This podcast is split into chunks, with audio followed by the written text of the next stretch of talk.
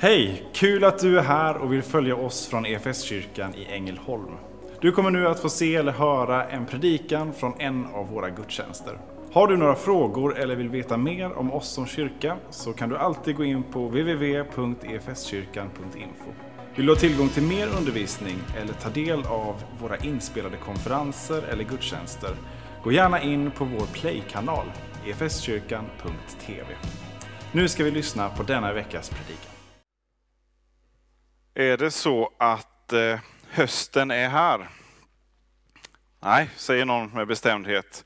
Jag har alltid lite höstkänsla i kroppen när man eh, påbörjar en ny temaserie. Det är liksom, liksom en inledning på höstterminen, det kan du ge mig i alla fall. Och det är, eh, jag blir lite upprymd av det, hösten, och få, få gå in i de här kanske lite längre avsnitten. Och nu är det en otroligt spännande höst eh, framför oss, just ur den aspekten i alla fall. Eh, vi har en månad framför oss här med temat Knatteligan, som återkommer lite då och då. Det är nämligen de tolv eh, små profetböckerna. Eh, och de är ju alltså inga knattar, de är giganter. Eh, men de har korta böcker som går att läsa ganska snabbt. Eh, så de tar vi oss an lite då och då.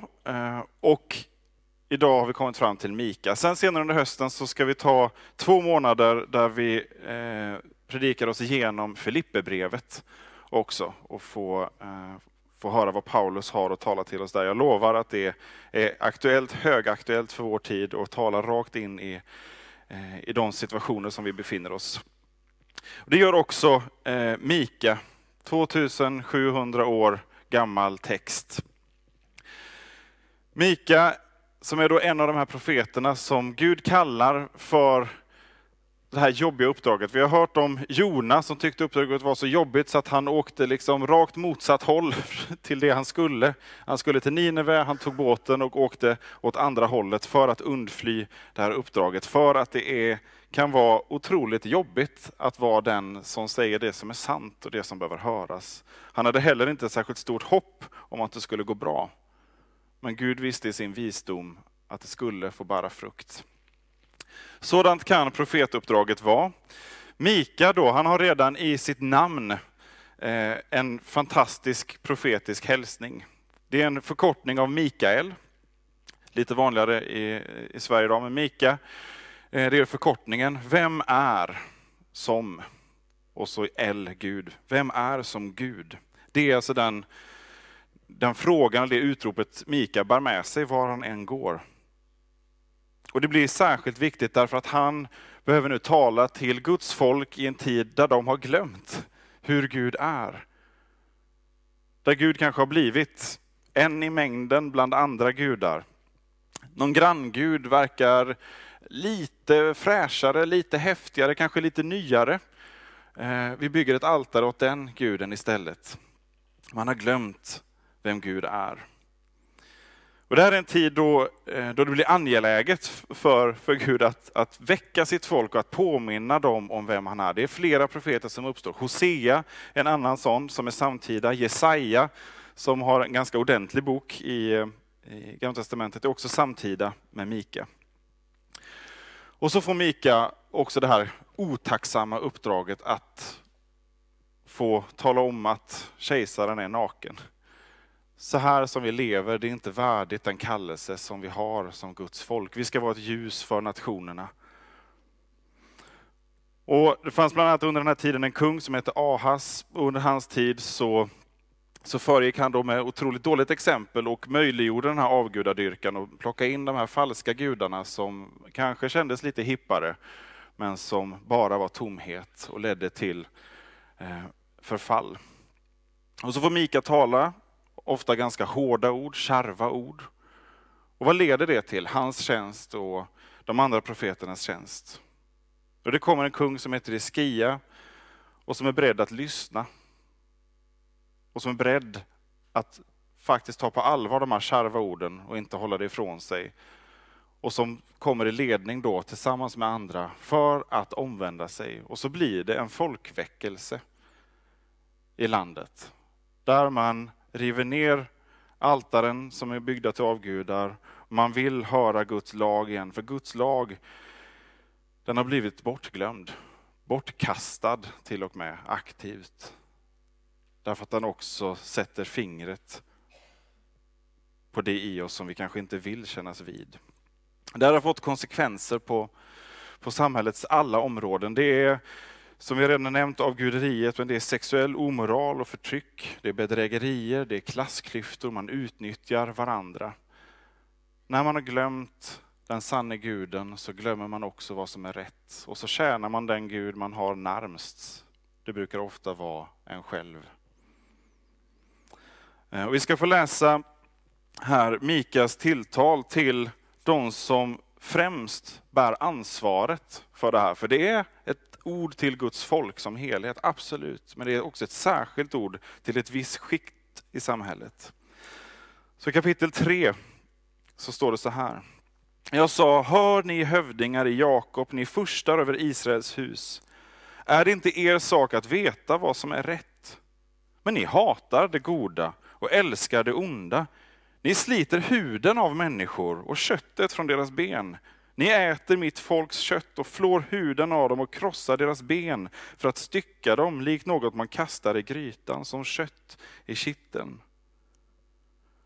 När de då ropar till Herren ska han inte svara dem, för det onda de gjort ska han dölja sitt ansikte för dem. Så säger Herren om profeterna som vilseleder mitt folk och som ropar allt är väl när de får något att tugga med sina tänder. Men mot den som inte ger dem något i munnen blåser de upp till helig strid. Därför ska ni få en natt utan syner och mörker utan spådomar. Solen ska gå ner över profeterna och dagen blir mörk över dem. Siarna ska stå med skam och spåmännen blygas, de ska alla täcka sitt skägg, för inget svar kommer från Gud. Men jag är full av kraft, av Herrens ande och rätt och styrka, för att förkunna för Jakob hans brott och för Israel hans synd. Hör nu detta, ni hövdingar över Jakobs hus och furstar över Israels hus. Ni avskyr det som är rätt och förvrider allt som är rakt. Ni bygger upp Sion med blod och Jerusalem med ondska. Stadens hövdingar dömer för mutor, prästerna undervisar för betalning och profeterna spår för pengar. Ändå stöder de sig på Herren och säger, är inte Herren mitt ibland oss? Olycka ska inte drabba oss. Därför ska Sion för er skull plöjas upp till en åker, Jerusalem bli en stenhop och tempelberget en skogbevuxen höjd.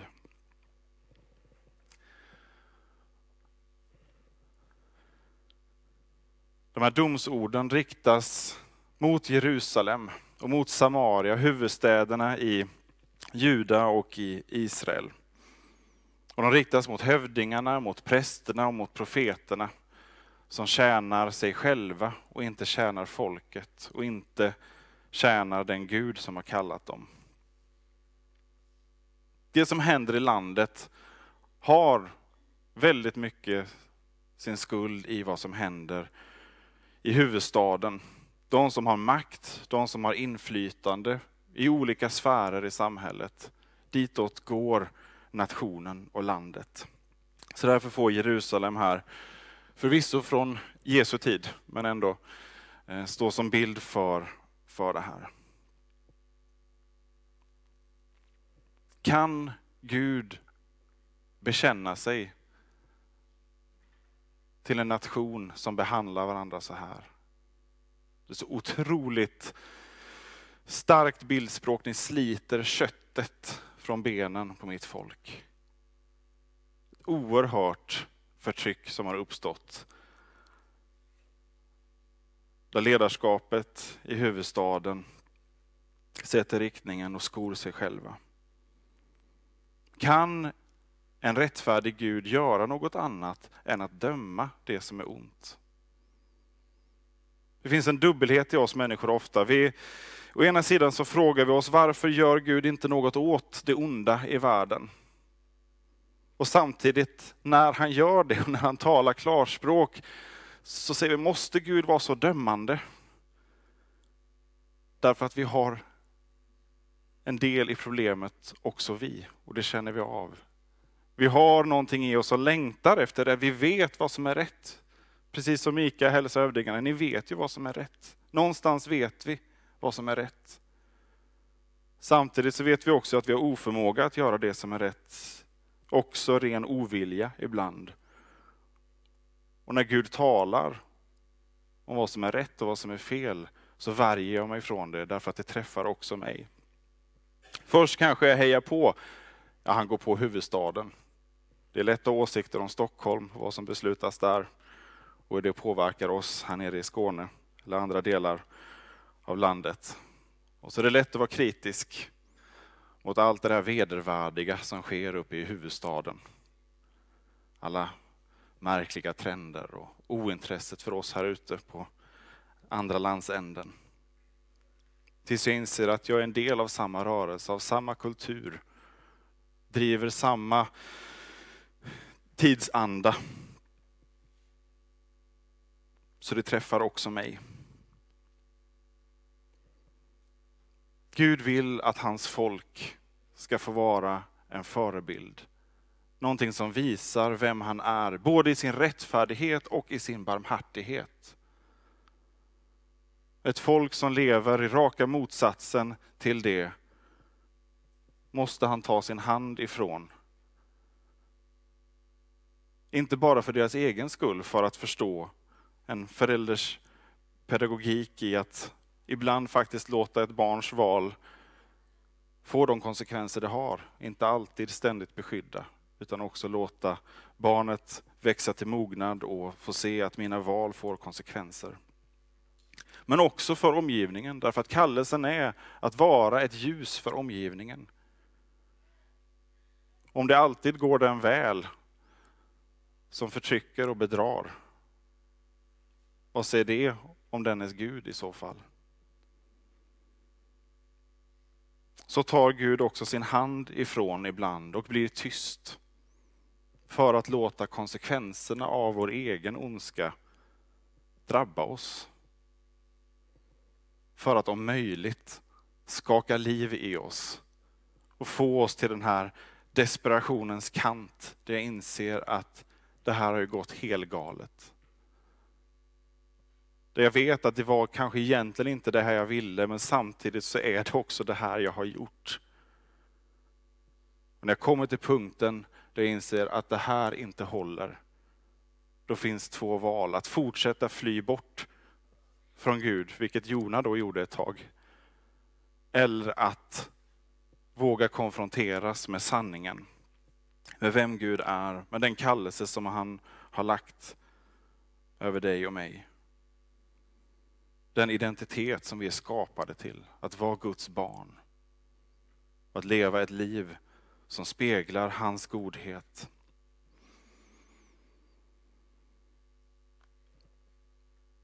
Och vad är då Guds lösning på det här? När ett samhälle har glömt vem Gud är, när människor har bytt ut rätt mot fel, gott mot ont, vad gör han? De här domsorden är bara en del på vägen. Lösningen är inte domen i sig i första hand. Vi läser en annan hälsning från kapitel 5. Vers 2 4. Men du Betlehem, Efrata, som är så liten bland judatusenden. Från dig ska det åt mig komma en som ska härska över Israel. Hans ursprung är före tiden, från evighetens dagar. Därför ska han överge dem fram till den tid då hon som ska föda har fött. Då ska de som är kvar av hans bröder få vända tillbaka till Israels barn. Han ska träda fram och vara en herde i Herrens kraft, i Herrens sin Guds namns höghet, och de ska ha ro, för han ska vara stor till jordens ändar. Någon som anar vem Mika talar om? Om någon har varit på en adventsgudstjänst någon gång har ni kanske hört det här ordet läsas. Betlehem, du som är så oansenlig. Här har vi huvudstaden, stor och mäktig och bara ett stenkast därifrån ligger lilla Betlehem i skuggan av storebror, skuggan av huvudstaden. Liten by med herdar och annat smutsigt folk som gjorde skitgörat åt huvudstaden många gånger, odlade. Fick ta sig in för att sälja, blev skinnade i tullporten. Och så kommer Guds löfte genom Mika till Betlehem. Att därifrån kommer räddningen. Gud har ett speciellt hjärta för den som är utsatt, för den som är liten. Vi hörde det här innan i dopet, om att bli som, som barn, därför att Guds rike tillhör dem. Gud har ett sånt hjärta för den som är svag, för den som är liten, för den som är förfördelad, för den som är förtryckt, för den som är utnyttjad. Och det är inte, det är inte bara på någon form av tycka synd om nivå. Utan hans, hans hjärta brinner och blöder för dem. Och så väljer han att gå rakt in i det. Han väljer att använda lilla Betlehem. Han väljer att använda den lilla familjen från Nasaret. Han väljer att låta nystarten och räddningen för hoppet för vår värld börja i ett smutsigt stall i Betlehem. Vem är som Gud? Mikael. Vem är som han som gör något sånt här? Andra folk som har hårda gudar som ska blidkas, eller gudar som blir någon slags ursäkter för att de är lika goda kolsupare som, som vi. Här är istället en Gud som besöker sitt folk, som blir en del blir en del av problemet, blir människa. För att vara en herde, för att leda människor, för att leda människors hjärtan. Därför att det är där problemet sitter. Vi kan ha hur många politiska program vi bara vill, hur många organisationsförändringar och strategier och vi kan skriva hur många debattartiklar som helst om hur Stockholmsperspektivet förstör vårt land eller vad det nu är. Men det finns bara en sak som på riktigt kan rädda vårt land. Det som i tider har format vårt land redan, som har format våra värderingar, som har format oss. Och det är att Gud får röra vid våra hjärtan och komma åt rotproblemet. Det ovilliga hjärtat som bara vill tjäna sig själv. Men som är skapat för gemenskap med honom och med alla andra i skapelsen. För att värna, för att bära varandra, för att bygga upp och inte riva ner. Och för att råda bot på ondskan så är Guds lösning att själv ta straffet att själv ta konsekvenserna, ta domen. Och Jesus blir dömd. Han dödas för all världens synd. För att var och en som tror på honom inte ska gå under utan få evigt liv. I det att jag till honom kommer när jag står vid den här desperationens kant och inser det här blev inte bra. Då har vi en Gud som redan har talat domens ord och fört oss till den här kanten och nu är där för att med öppna armar välkomna oss in i förlåtelsen och barmhärtigheten. Ge oss ett nytt hjärta av kött och blod. En ny vilja, en ny förmåga, en ny längtan. Att faktiskt sträva efter att göra det som är rätt och gott och barmhärtigt. Inte för att jag ska framstå i någon särskild dager, utan därför att det är vad den här världen behöver. Det är vad de här människorna som jag har runt omkring mig behöver. De behöver någon som strävar efter rättfärdighet och barmhärtighet. Vårt samhälle behöver det mer än någonsin. Ropar efter de här två orden, rättfärdighet och barmhärtighet. Och vi har så svårt att hålla de här vid liv vid sidan av varandra hårdare tag eller mjuka strategier och så blir samhället mer och mer delat. Men vi har en Gud som längtar efter ett helt samhälle, som längtar efter en helad mänsklighet. Som är ett i honom och ett med honom. Och vägen dit är varje hjärtas omvändelse till honom. där han får ta varje människa till sig. Få hela det som är trasigt, få förlåta det som har gjorts fel och få bygga upp igen. Det finns en sån kraft i det här. Och jag har fått se vittnesbörd efter vittnesbörd efter vittnesbörd med människor som har fått livet fullständigt förvandlat. Gång på gång får vi se den största våldsverkare som verkligen kan ha tagit till sig av Mikas ord om hur ni sliter köttet från benen nu och mitt folk. Men när man kommer till den här punkten, till hjärtats omvändelse och ger upp mina egna försök att få ordning. Jag måste bara få ta emot Guds nåd och förlåtelse. Så kommer någonting annat, helt annat därifrån. Gång på gång blir de största syndarna också de största missionärerna. Som får bygga helt nya samhällen, får vara med och hela, hela kulturer. Därför att Gud tar sig an den som är trasig, den som är svag, den som till slut ger upp därför att det inte går.